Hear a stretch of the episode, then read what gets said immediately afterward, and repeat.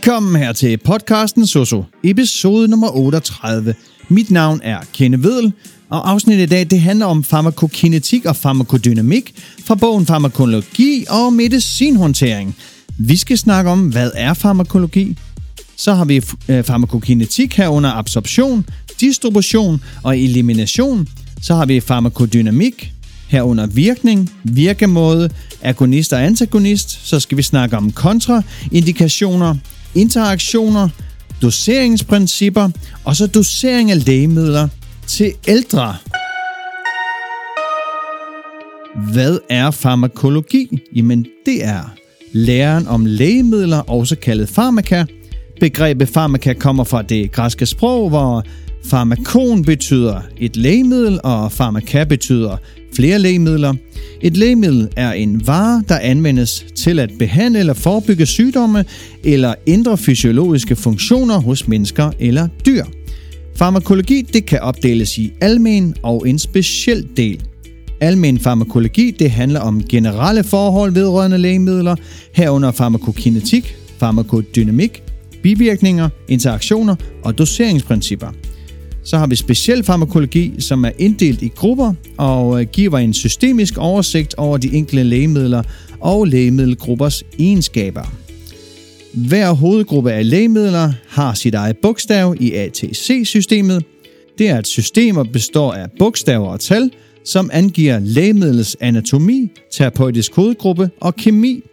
ATC-koden er en international kode, som bruges til at gruppere lægemidler og hjælper med at finde placering af lægemidler på hospitaler. Lægemiddelsetiketten skal indeholde information om lægemidlets navn, hjælpestoffer, form, styrke, teknisk vejledning og opbevaringsbetingelser. Der er mange krav til håndtering af lægemidler herunder lægemiddeletiketter, men lad os hoppe videre til farmakokinetik. Det handler om, hvad kroppen gør ved lægemidler, efter vi har indtaget det. Det er lægemidler, der optages og virker i hele kroppen, og det gennemgår jo de her tre faser. Vi har absorption, som er optagelse af lægemidler til blodbanen. Vi har distribution, som er fordeling af lægemidler til væv og organer. Og så har vi den sidste her, elimination, som er fjernelse af lægemidler fra kroppen. Og den her elimination, den øh, omfatter to processer. Vi har metabolisering, som er omdannelse af lægemidler, og så har vi ekskretion, som er udskillelse af lægemidler. Men lad os starte med absorption, fordi ved absorptionen så forstås optagelse af et lægemiddel fra absorptionsstedet til blodbanen. Men der findes jo mange absorptionssteder, og der har vi mundhulen, som hedder cavum oris, vi har mavesækken, som er ventriklen, vi har tolvfingertarmen, som er duodenum, så har vi øh, tyndtarmen, som er jejunum, så har vi tyktarmen, som er kolon, så har vi endetarmen, som er rectum, så har vi huden, som er cutis, så har vi underhuden, som er subcutis, og så har vi musklerne, som er musculus, og så har vi blodbanen, som er venen. Valg af absorptionssted er vigtigt for, hvordan lægemiddel det optages i kroppen. Og nogle steder så absorberes lægemidler hurtigere end andre, hvilket kan påvirke, hvilken form for administrationsvej, der anvendes. Absorptionsstedet har stor betydning for, hvor hurtigt lægemiddel det opnår sin maksimale øh, koncentration i blodet. For eksempel så er absorptionshastigheden langsommere, når lægemidlet det indtages via munden, altså per os, fordi de absorberes fra fordøjelseskanalen og føres via portovervenen til leveren. Selvfølgelig sker der også en optagelse lige så snart det kommer ind i mundhulen, men den primære det er selvfølgelig nede i fordøjelseskanalen. Så har vi i leveren, hvor det nedbrydes, en, der er i hvert fald en del af lægemidlet, det bliver nedbrudt, før det fordeles i kroppen via blodbanen. Og det kan undgås, hvis lægemidlet det absorberes parentanalt. Nedbrydning af lægemidler ved first pass metabolism, det kan have betydning for den dosis, der skal gives af de enkelte lægemidler. Hvis øh, lægemidlerne de absorberes via fordøjelseskanalen, så skal der som regel en højere dosis til at opnå samme virkning, end hvis det absorberes parenternalt, hvor lægemidler ikke nedbrydes i leveren, og dosis derfor kan reduceres. Ved first pass metabolism i leveren sker der ikke kun en nedbrydning af lægemidler, men også aktivering af lægemidler. Der er indtaget som inaktive stoffer og skal omdannes til aktive lægemiddelstoffer. Leveren spiller også en vigtig rolle i elimineringen, altså udskillelsen af lægemidlerne. Og forskel, eller i hvert fald forskellige faktorer, de påvirker jo optagelsen af lægemidler. Herunder blodgennemstrømning, absorptionsoverflade og opholdstid på absorptionsstedet. Jo større blodgennemstrømning og overflade, desto hurtigere optages lægemidler. Og opholdstiden på absorptionsstedet, jamen det har også indflydelse på absorptionen, og jo længere opholdstid, desto mere lægemiddelstof optages der, forudsat at lægemidlet er opløst på det pågældende sted. Opholdstiden i fordøjelseskanalen kan påvirkes af tilstande som kvalme og diarré, hvor kvalme nedsætter mavesækkens tømningshastighed og forsinkelse af virkningen af lægemidlet, mens diarré skal være ret udtalt, før den påvirker absorptionen. Så kommer vi til distribution. Efter et lægemiddel er blevet optaget i kroppen, vil det blive fordelt til de forskellige områder i kroppen, og det kaldes distribution, og det omfatter alle processer, der medvirker til, at lægemiddel det kan spredes i kroppen. Lægemiddel det bliver ført rundt i kroppen med blodet og trænger gennem karvægge, hvorefter det bliver transporteret til celler, væv og organer via vævsvæsken. Og for at lægemidlet kan have en farmakologisk virkning, så skal koncentrationen af lægemidlet være tilstrækkeligt stor på virkningsstedet. Og øh, når lægemidlet har udført sin virkning, vil det blive udskilt fra kroppen via leveren og nyrerne. Fordeling af lægemidlet sker primært via blodet, så blodgennemstrømningen i forskellige væveorganer er afgørende for, hvor hurtigt lægemidlet når det enkelte område. Væv og organer med stor blodgennemstrømning, såsom hjerte, hjerne, lunger og nyrer, vil have en højere koncentration af virkningen af lægemidlet end væv og organer med lavere blodgennemstrømning, såsom fedt og knoglevæv. Så har vi den sidste, elimination. Ja, elimination af et lægemiddel fra kroppen, det omfatter jo de her to processer. Vi har metabolisering og ekskretion. Metabolisering er omdannelse af lægemiddelstoffe til omdannelsesstoffer, der kan udskilles lettere. Leveren er et vigtigt organ for metabolisering, da den indeholder enzymsystemer, der kan omdanne lægemiddelstoffer. Omdannelsen kan også forekomme i andre organer som hud, tarmvæg, nyre og nervevæv.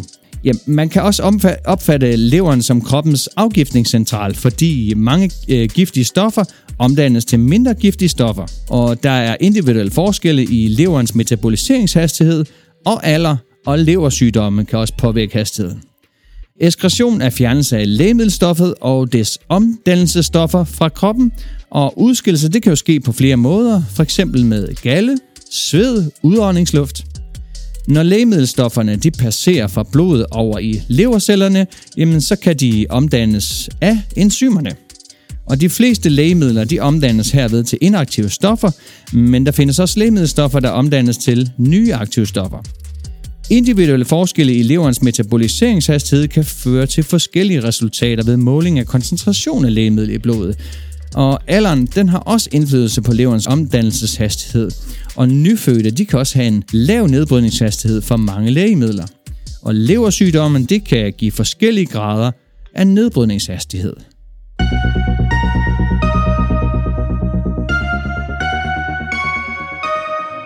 Så har vi farmakodynamik, som er læren om, hvordan lægemidler påvirker kroppen og kan inddeles i lokal og systemisk virkning. Ved lokal virkning påvirker lægemidlet det område, hvor det bliver påført, men systemisk virkning det påvirker området langt væk fra lægemidlets optagelsessted i kroppen. Lokal virkning jamen, opstår på det sted, hvor det bliver påført lægemidlet, og et eksempel på det, det er øjendråber til behandling af øjenbetændelse. Og fordelene ved lokal virkning er, at det giver en hurtigere virkning og færre bivirkninger, og behov for en mindre mængde lægemiddelstof, da lægemiddelstoffer virker direkte på det postmorte område. Ved systemisk virkning transporteres lægemidlet med blodet til det område, hvor virkningen ønskes. Tabletter og kapsler optages i maven og tarmen og transporteres derefter med blodet til det ønskede område – Lægemidlet fordeles med blod i hele kroppen og kan derfor påvirke mange af kroppens celler og funktioner, hvilket kan give uheldige bivirkninger. For at opnå en virkning i et organ, skal koncentrationen af lægemidlet være tilstrækkeligt høj, og øh, koncentrationen den afhænger ikke kun af dosis, men også af mængden af lægemidlet, der nedbrydes i kroppen, før det når det ønskede område. Lægemidlets virkemåde er den måde, hvorpå et lægemiddel det påvirker kroppen. For at forstå virkemåden er det nødvendigt at vide, hvor i kroppen lægemidlet virker. Der findes to hovedgrupper af lægemidlets virkemåde. Der er virkemåde ved en receptor og andre virkemåder. Så tager vi den med øh, virkemåde med en receptor, og her er det nødvendigt at vide, øh, hvordan en receptor stimuleres eller blokeres. Der findes mange former for receptorer, som har hver deres betydning. Et stof, der stimulerer en receptor, kaldes en agonist, mens et stof, der blokerer en receptor, kaldes en antagonist. Agonister kan sammenlignes med en nøgle, der passer i en lås, mens antagonister kan sammenlignes med en falsk nøgle eller splint, der forhindrer den rigtige nøgle i at passe i låsen. Eksempel på receptorer omfatter opioidreceptorer og dopaminreceptorer. Stimulering eller blokering af disse receptorer kan påvirke kroppen på forskellige måder. Fysiologiske antagonister, jamen det er kroppens egne stoffer, der stimulerer en receptor. Som et eksempel på en fysiologisk agonist kan nævnes histamin, der frigøres, når allergifremkaldende stoffer trænger ind i kroppen. Den frigjorte histamin øh, stimulerer en bestemt receptor, H1, og den allergiske reaktion går i gang, f.eks. øjne, der løber i vand. Og derfor kan man tage en farmakologisk antagonist, som anti antihistamin, som virker ved at blokere H1-receptoren og forhindrer dermed histaminen i at stimulere receptoren og virker derfor antiallergisk. Et andet eksempel på farmakologisk antagonist er beta-blokkere, og de blokerer bestemte receptorer, kaldet beta-1-receptorer i hjertet. Effekten her bliver lavere blodtryk. Så har vi farmakologiske agonister – det er lægemidler, der efterligner kroppens fysiologiske agonister og derved virker stimulerende på en receptor.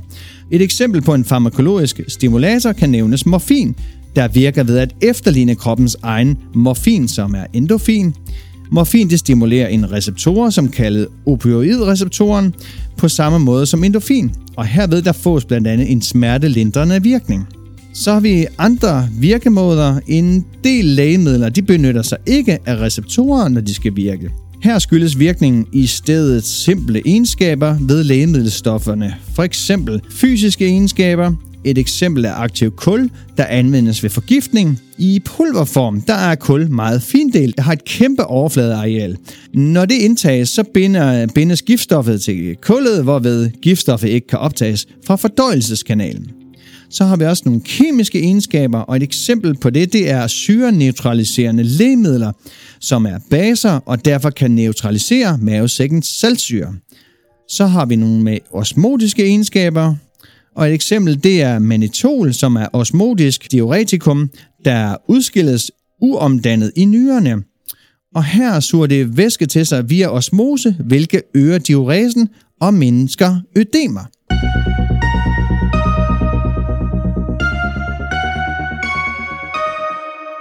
Så har vi kontraindikationer. Og det angiver forhold, som gør det utilrådeligt at anvende den bestemte medicin. Borgeren kan jo have en sygdom, som gør, at der er risiko for skade, hvis lægemidlet anvendes.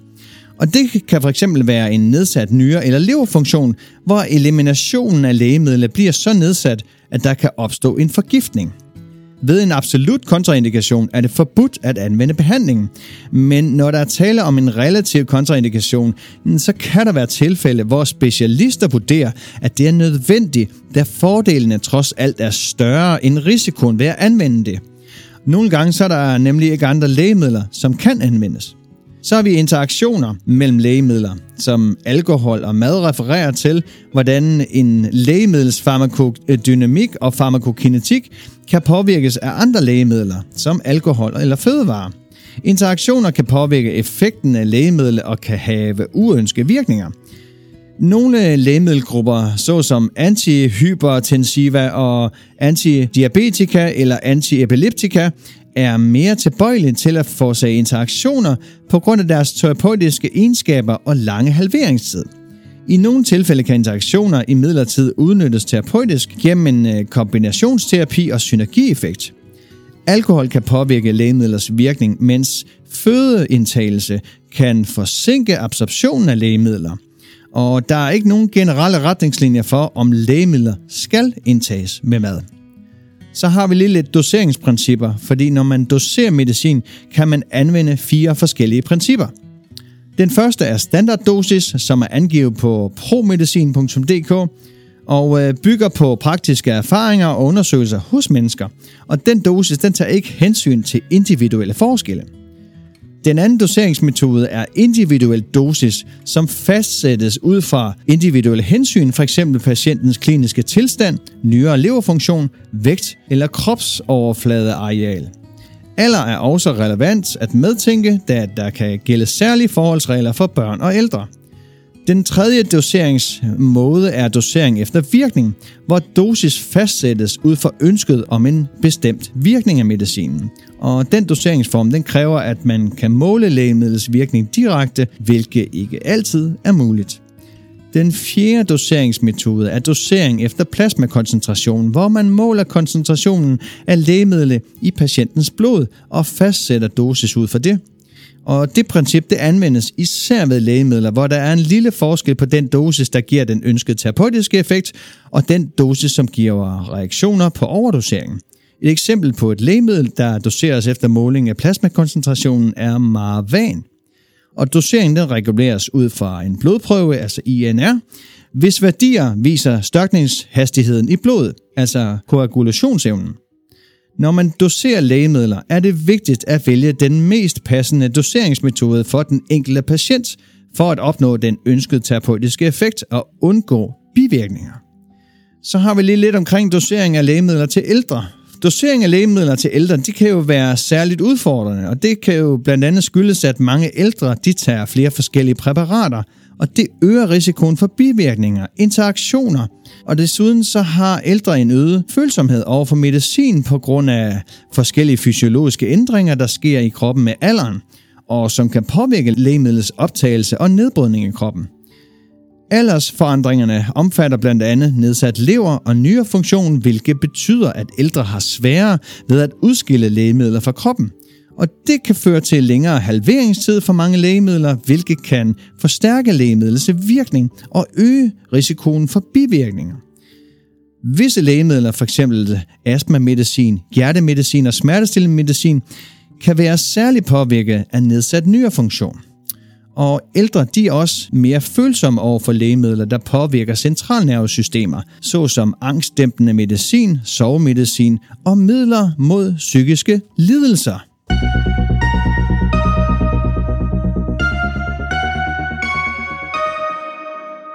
Det var alt om farmakokinetik og farmakodynamik med mere.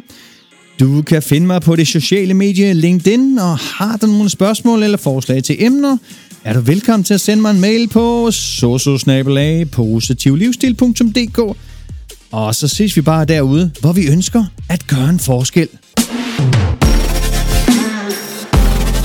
So